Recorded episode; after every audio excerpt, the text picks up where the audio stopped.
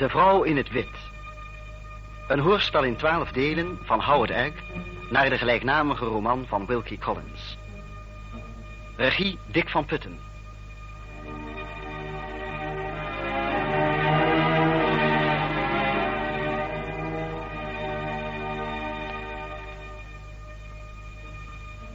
Achtste deel. De gevangene.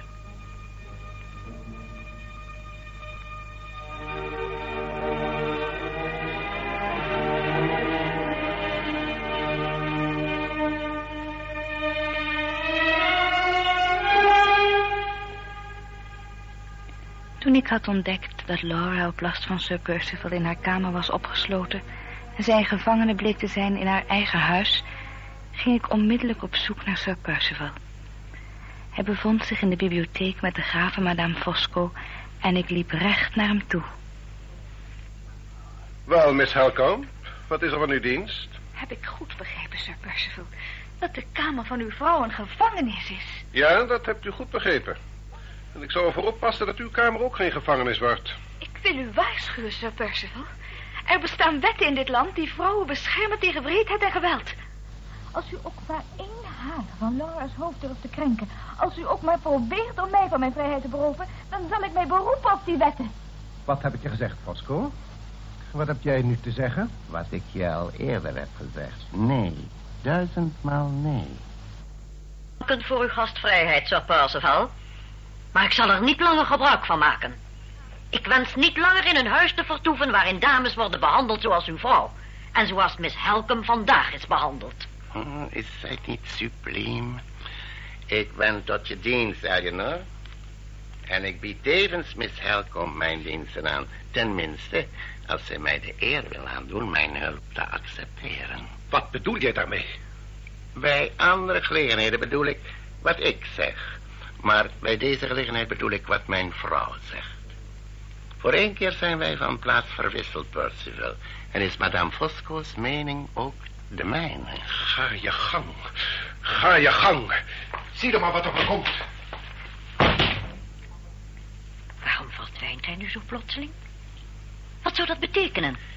Dat betekent, mijn engel, dat jij en ik samen de slechtst gehumeurde man in geheel Engeland weer tot reden hebben gebracht. Het betekent, Miss Helcombe, dat er een eind wordt gemaakt aan de onwaardige behandeling Lady Glyde aangedaan. En dat u een nieuwe, onvergeeflijke belediging wordt bespaard. Sta mij toe mijn bewondering uit te drukken voor uw houding en uw moed tijdens dit moment van beproeving. Onze oprechte bewondering. Oprechte bewondering. Miss Helcombe, ik prijs mij gelukkig u te kunnen zeggen dat Lady Glyde weer meesteres is in haar huis. Waarom zegt u mij dit? Omdat ik meen dat u het prettiger zult vinden deze gewijzigde situatie van mij te vernemen dan van Sir Percival. Hoe bijzonder fijn aangevoeld. Ik hoop dat u gelijk hebt, graaf Fosco. Ik ga nu direct naar de kamer van mijn zuster. Ik waarschuw u dat als de deur nog steeds gesloten is... ik niet zal aarzelen om... Hij zal niet gesloten zijn, Miss. Probeer het maar. Probeert het. En u zult het bemerken. Dat zal ik zeker, graaf Fosco.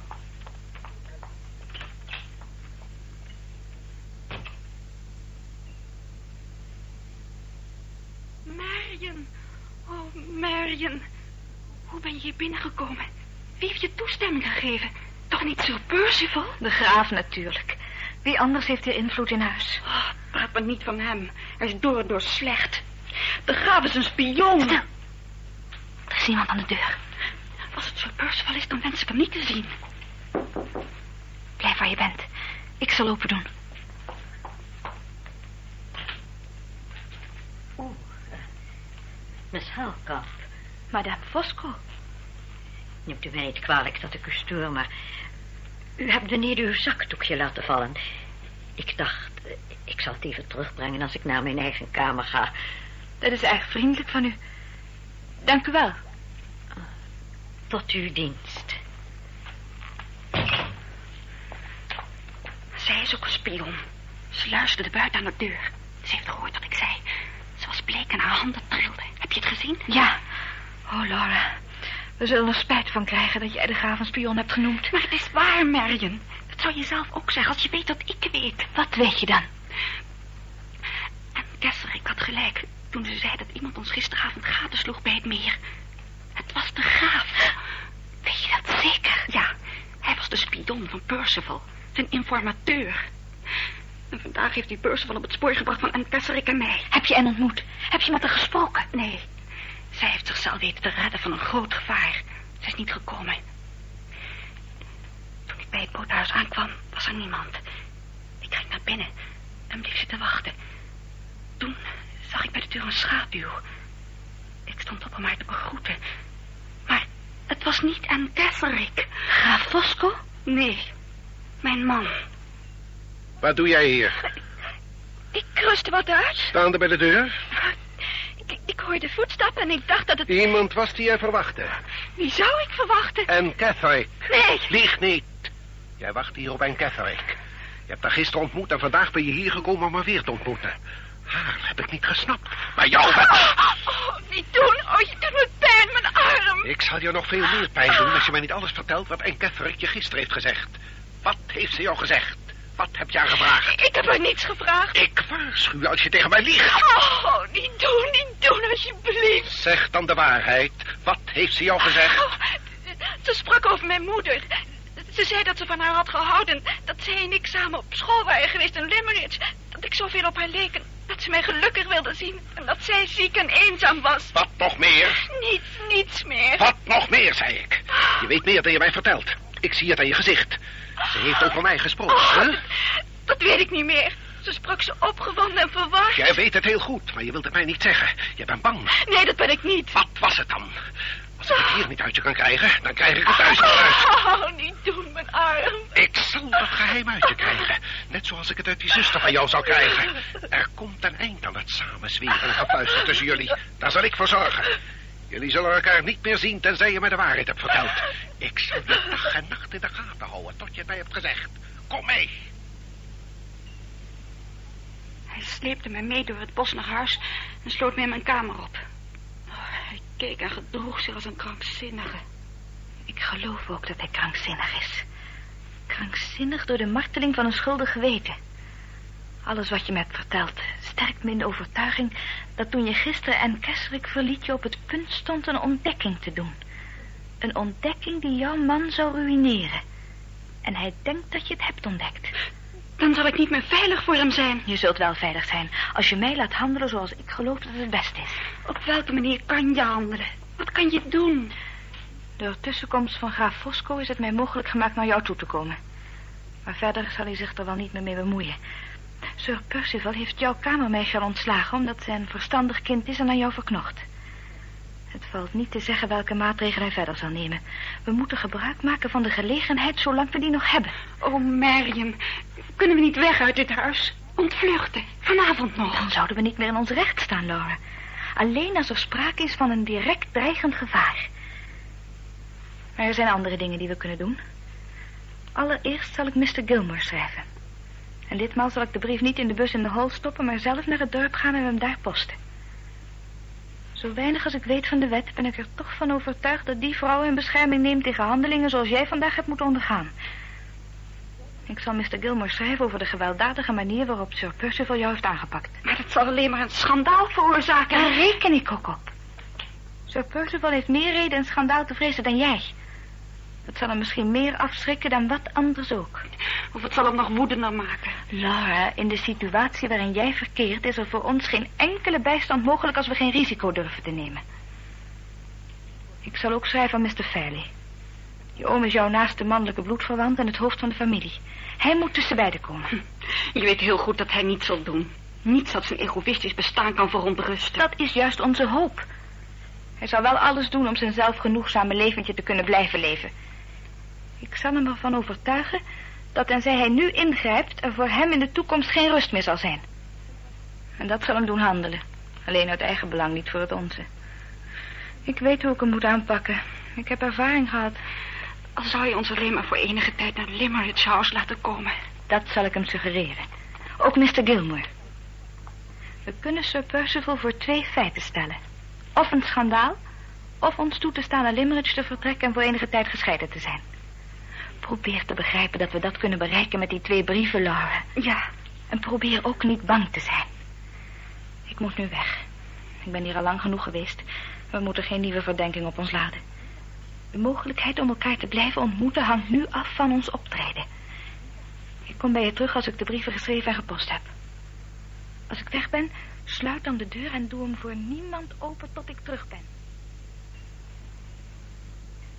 Madame Fosco, Ja, Miss Helkamp? zou ik u even kunnen spreken?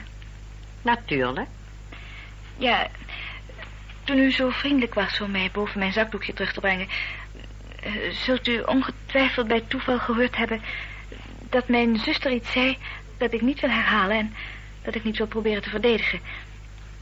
Ik waag het alleen te veronderstellen... dat u het niet zo belangrijk hebt gevonden om het aan uw man te vertellen. Ik vond het totaal onbelangrijk. Ik ben blij dat te horen. Maar ik heb geen geheimen voor mijn echtgenoot. Zelfs niet het kleinste. Toen hij dus zag dat ik erg ontdaan bleek, was het mijn dure plicht hem te vertellen wat daarvan de reden was. Oh, dat spijt me. Ik smeek u en de graaf om de ongelukkige situatie in aanmerking te willen nemen waarin mijn zuster verkeert. Ze zei het terwijl ze nog gebukt ging onder de belediging en het onrecht dat haar man haar had aangedaan. Ze was zichzelf niet toen ze deze onbezonnen woorden uitsprak. Wilt u zo vriendelijk zijn om het haar te vergeven? Daar kunt u van overtuigd zijn, Miss Helcombe. Graaf Fosco, ik had u niet horen binnenkomen. Toen Lady Gly deze voorbarige woorden uitsprak, deed ze mij een onrecht aan dat ik betreur. Maar haar niettemin vergeef. Laten wij dit onderwerp verder laten rusten, Miss Helcombe. U bent erg vriendelijk. Wij praten er verder niet over, mijn beste Miss Helcombe. Het heeft mij werkelijk geschokt dat u het nodig hebt geoordeeld er zoveel woorden aan te wijden. Terwijl hij dit zei, nam hij mijn hand en bracht die aan zijn dikke lippen. De ijselijke glimlach die hij mij schonk, de ondergrondelijke valsheid van zijn manieren, zijn beleefdheid even glad als zijn brede bleke gezicht. Dit alles maakte mij duidelijk dat ik tot op dit ogenblik nog nooit de volle verschrikking van graaf Fosco had ondergaan. Ik verliet snel het vertrek, ging naar boven naar mijn kamer en schreef de twee brieven waarover ik met Laura had gesproken. Toen ik daarmee klaar was, nam ik mijn hoed en sjaal, overtuigde mij ervan dat niemand mij het huis zag verlaten en ging naar het dorp om ze te posten. Terwijl ik terugliep, begon het hevig te regenen en slechts licht gekleed zijnde en zonder paraplu was ik doorweek toen ik weer thuis kwam. Alvorens naar mijn kamer te gaan, bracht ik een bezoek aan Laura, die mij vertelde dat zij tijdens mijn afwezigheid door niemand was gestoord. Die avond, na het diner, verdween Sir Percival in de bibliotheek en bleef ik alleen achter in de salon met madame Fosco en de graaf. U ziet wat bleek vanavond, Miss Helkamp. U voelt zich toch wel goed? Ik heb wat hoofdpijn, madame Fosco. Beweging, Miss Helkamp. Beweging in de frisse lucht. Daar heb ik zelf altijd baat bij. Een wandeling voor het diner zou u goed hebben gedaan.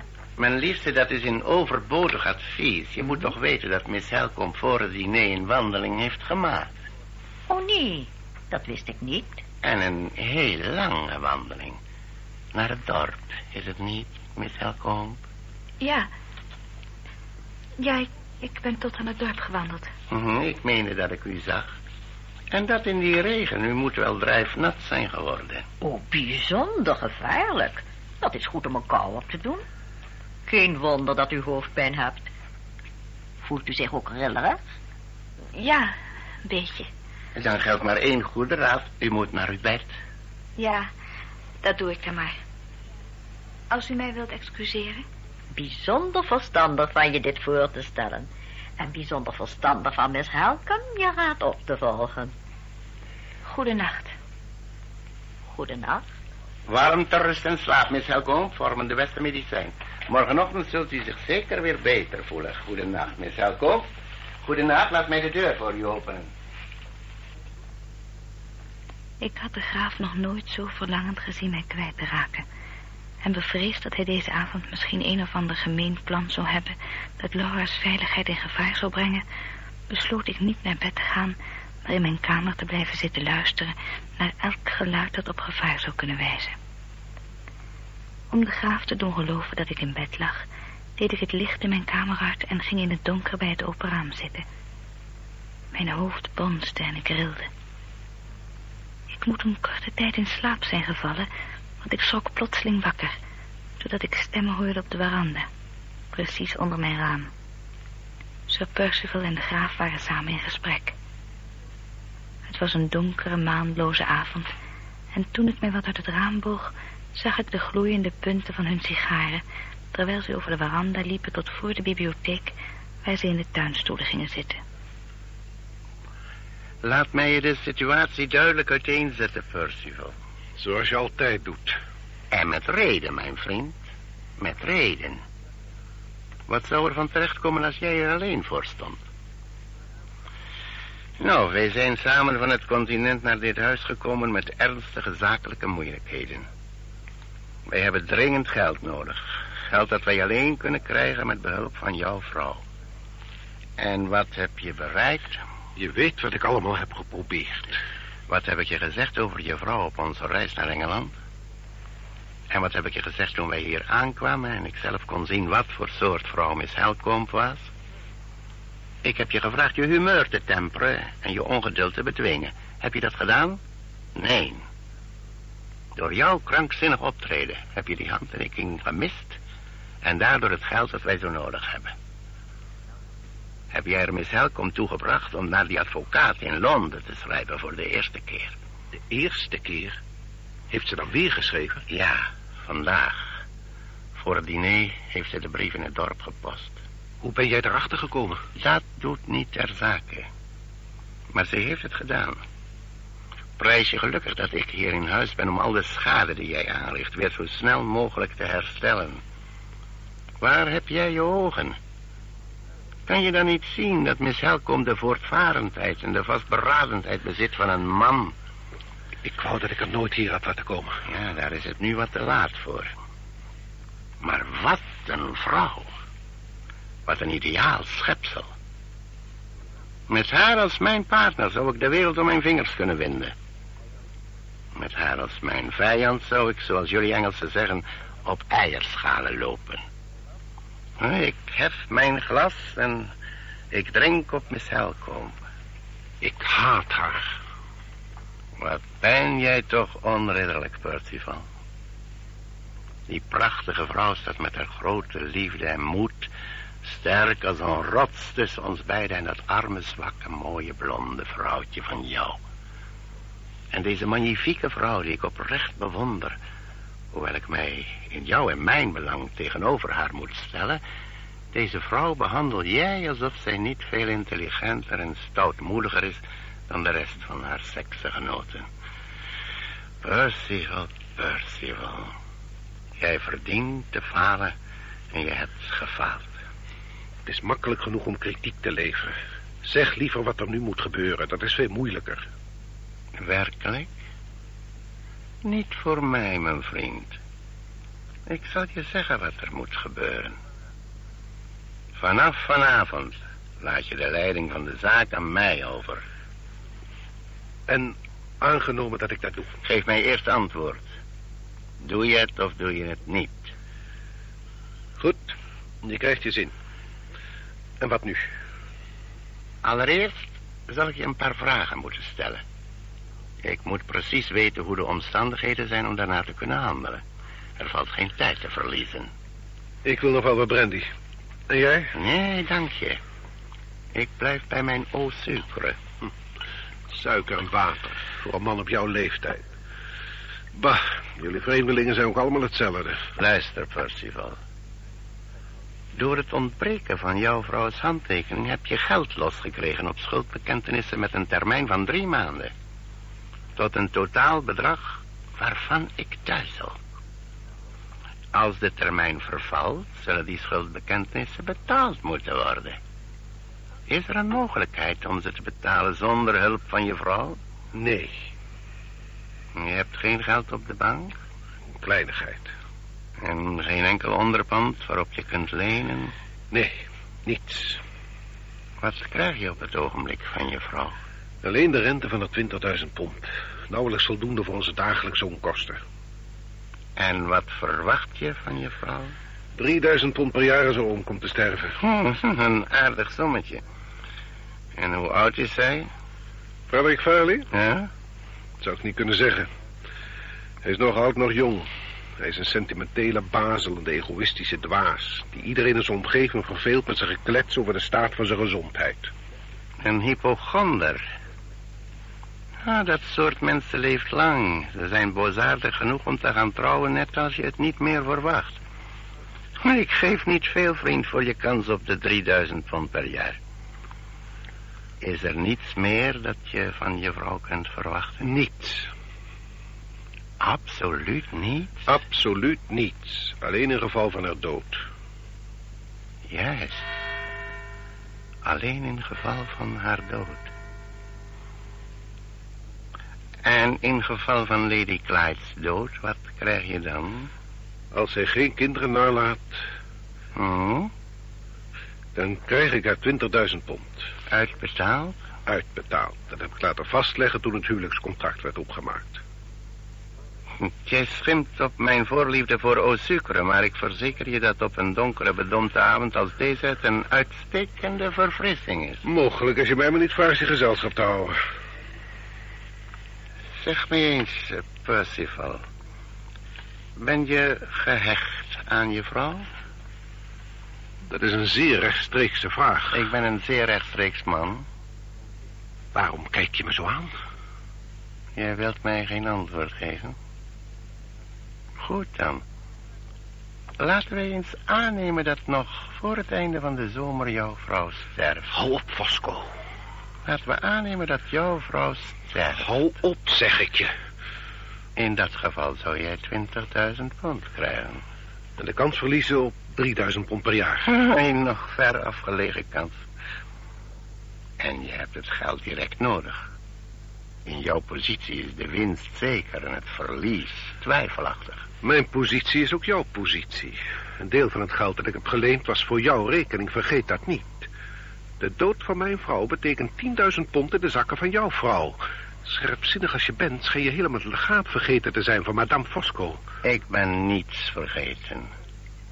Ik wil alleen maar weten... In hemelsnaam, Fosco, geen vragen meer.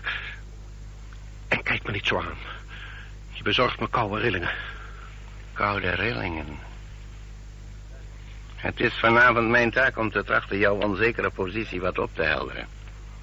En ik geloof dat ik de oplossing weet. Als jouw vrouw leeft, betaal je die rekeningen met haar handtekening. Als jouw vrouw sterft, betaal je de rekening met haar dood. Wat ben jij van plan, Fosco? Oh, maak je geen zorgen, Percival. Ik heb mijn plannen hier in mijn dikke hoofd. Jij zult die rekeningen betalen. Daarop geef ik je mijn woord. Jij zult ze betalen.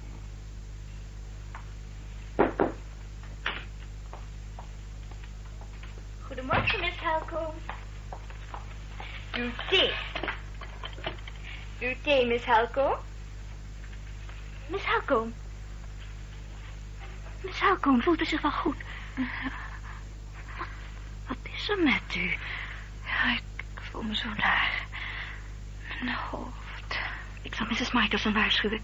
Ja, alsjeblieft. Blijft u stil liggen. Ik zal haar vragen direct bij u te komen.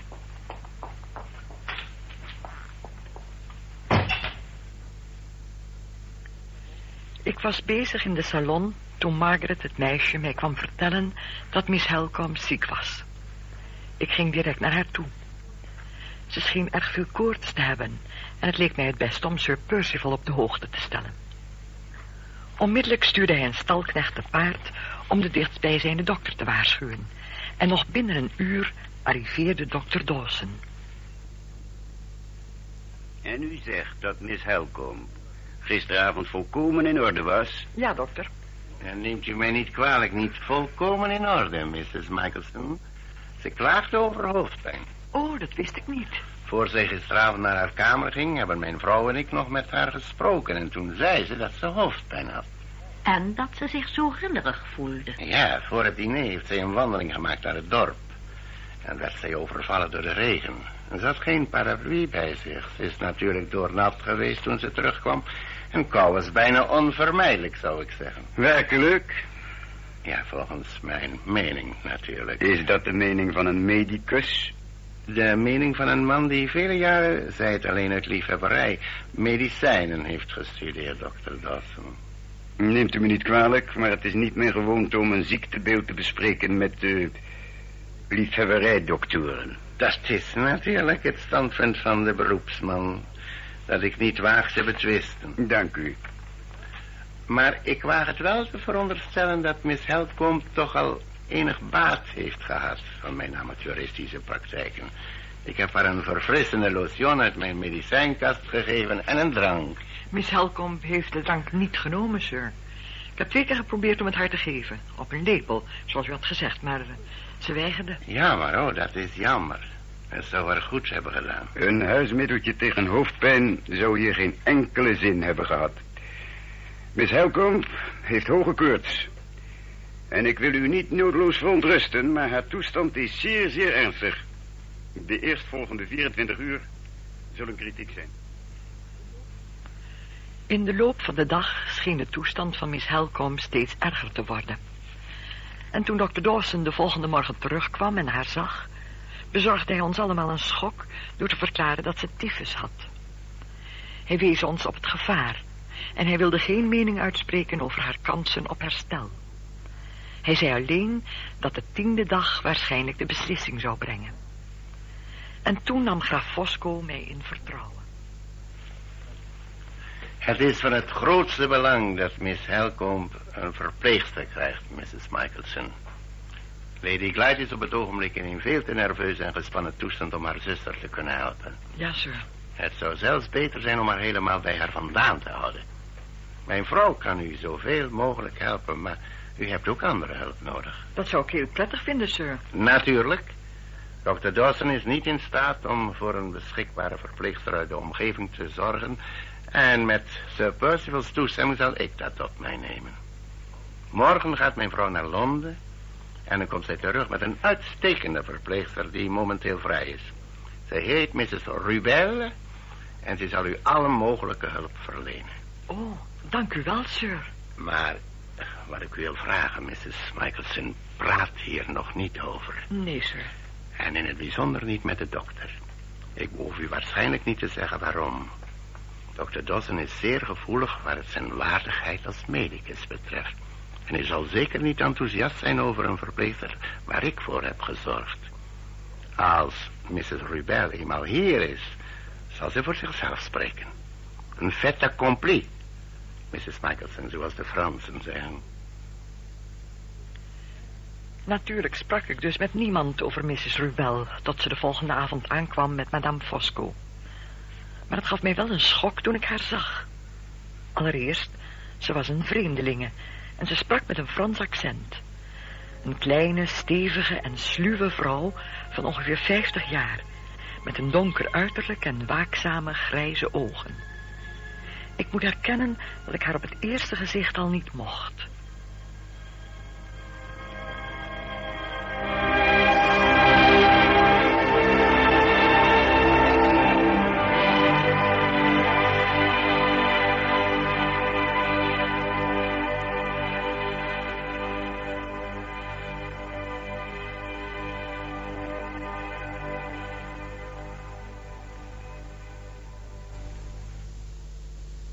hebt geluisterd naar het achtste deel van De Vrouw in het Wit.